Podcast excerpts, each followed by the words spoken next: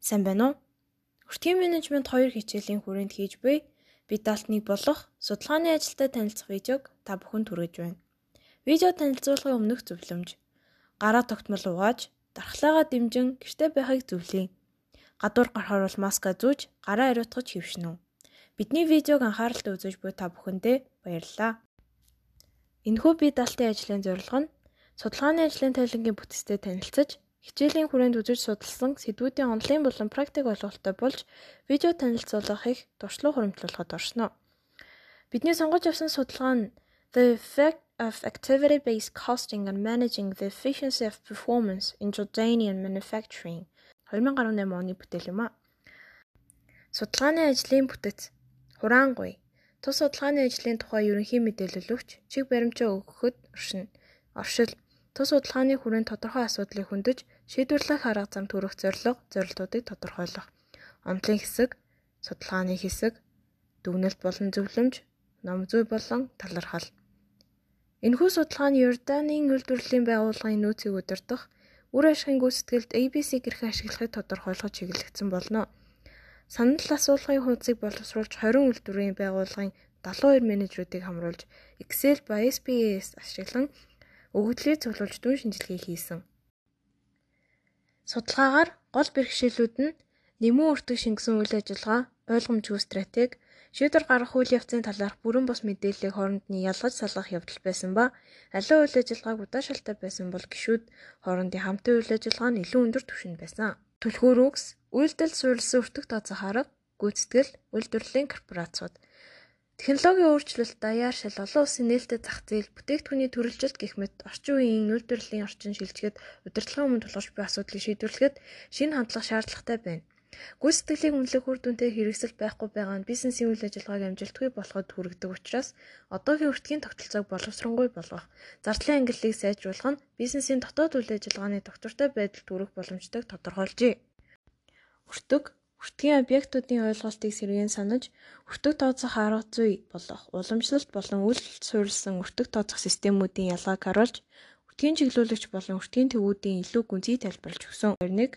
Хүртэг тооцоололтуудыг авч үзэхийн тулд дараах үндсэн ойлголтуудыг зайлшгүй авч үзэх шаардлагатай. Үүнд хүртгийн объект, зардлын төв, хүртэг тооцох систем, хүртэг тооцох арга, зардал чиглүүлэгч зэрэг болно. ABC олон тооны бүтээгдэхүүн үйлдвэрлэдэг байгууллагуудад зориулсан өртөг хуваарлах орчин үеийн арга. Энэхүү арга нь янз бүрийн өртгийн чиглүүлэгчүүдийг ашиглаж тэдний өртгийг төвүүдэд хуваарлдаг. Cost drivers буюу өртгийн чиглүүлэгч. Тэр нь хоёр төрлийн байдаг. Quantitative тоо хэмжээний буюу шууд хөдөлмөр цаг гэх мэт qualitative чанарын буюу машин тохиргоо гэх мэт. Судалгааны аргачлалд аналитик ба тайлбарын аргыг хэрэглэсэн бөгөөд судалгаа явуулж цуглуулсан өгөгдлийг шинжилж судалгааны ажлын зорилгын хүрээнд судлав. Судалгааны арга зүйн хэсэгт судалгааны асуудал, судалгааны таамаглал, судалгааг явуулах, судалгаа хийх явцад тулгарч буй асуудал зэргийг багтаав. Судалгааны асуудал болон таамаглал. 1-р асуулт. Ярдан улсын үйлдвэрлэлийн байгууллагын үйл ажиллагаанд нөөцийг удирдахад ABC-ийн нөлөө бий юу гэсэн асуулт асууж таамаглал нь нөлөө байхгүй гэсэн таамаглал төвшүүлсэн. Хоёрдугаар асуулт менежментийн оролцоотой холбоотой Ярдан улсын үйлдвэрлэлийн байгууллагын нөөц гүйцэтгэлийн үр ашгийг удирдахад ABC-г ашиглахтай холбоотой мэдэгдэхүйц ялгаа байна уу гэсэн асуулт асууж таамаглал нь нөлөө байхгүй гэсэн таамаглал төвшүүлсэн. Энэхүү судалгаагаар 2016 онд Амман хөрөнгийн биржэд бүртгэлтэй 20 үйлдвэрлэлийн байгууллагуудын дунд янз бүрийн түвшний 72 менежерийн дунд түүрийн аргаар санал асуулгын хуудсыг боловсруулан тарааж цуглуулсан мэдээллийг Excel SPS ашиглан дүн шинжилгээ хийжээ. Судалгаанд оролцогчид судалгааг бүрэн бүглэхгүй байх, зарим оролцогчид илүү их тайлбар цаг хугацаа шаардаж байсан зэрэг асуудлууд тохиолдож байсан. Судалгааны үр дүн дэвшүүлсэн таамаглал 1 буруу. ABC аргыг ашигласан ийм давуу талууд гүйцэтгэх удирдлага мэдээллийг илүү оновчтой, бүрэн зураглал харуулж чадсан. Тоо хэмжээнд суурилж биш, үйлдэлд суурилж зардлыг хуваарлсан нь бүтээгдэхүүн тус бүрийн өртгийг илүү бодиттой тодорхойлсон. ABC арга нь үйл ажиллагааны бүхий л түвшинд ажлын чиг үүрэг хариуцах ажлыг илүү тодтогч өгсөн. Дүгнэлт нь ABC арга нь нөлөө үзүүлж байна. Дэвшүүлсэн таамаглал 2 буруу. ABC аргыг ашигласнаар менежментийн оролцоотой холбоотой Йордан улсын үйлдвэрлэлийн байгууллагын нөөц, гүйцэтгэлийн үр ашиг удирдахад мэдэгдэхүйц ялгаа байна гэсэн дүгнэлтэнд хүрсэн. Дээрх судалгааны үр дүнгуудад үндэслэн ABC аргыг ашиглан үйлдвэрийн нэмэгдэл зарлуудыг дан ганц үйлдвэрлэж буй бүтээгдэхүүний тоо хэмжээнээс хамаарахгүй хийгдэж буй бүхий л үйлдэл суурилан оновчтой байдлаар хуваарлж байгаа нь энэхүү орчин үеийн өртөг тооцох аргын давуу талуудыг харуулж байна.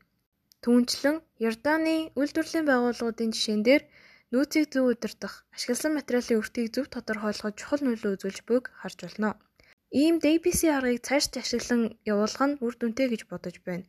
Учир нь дээр дурдсан давуу талуудаас гадна зардлыг бууруулах, үйл ажиллагааны зардал хоорондын хамаарлыг тодорхойлж, үр ашгийг нэмэгдүүлэх, гүйцэтгэлийг боддоор үнэлэх үнэлэмжийг бий болгох боломж бүрднэ. Төв бедалтын ажлын хүрээнд судалгааны ажлын тайлангийн бүтцтэй танилцаж, хичээлийн хүрээнд үзэж судалсан ABC өртөг тооцох арга онлайн болон практик ойлголттой болж видео танилцуулга хийх туршлага хуримтлууллаа. Та бүхэнд анхаарал тавьсанд баярлалаа. Сайн байна уу? Танд өртгийн менежмент 2 хичээлийн хүрээнд хийж буй би даалтныг болох судалгааны ажилтай танилцах видеог та бүхэнд хүргэж байна. Видео танилцуулгын өмнөх зөвлөмж гараа тогтмол угааж дархлаагаа дэмжин гэртээ байхыг зөвлөе. Гадуур гарахаар бол маска зүүж гараа ариутгаж хэвшинэ үү. Бидний видеог анхааралтай үзэж буй та бүхэндээ баярлалаа.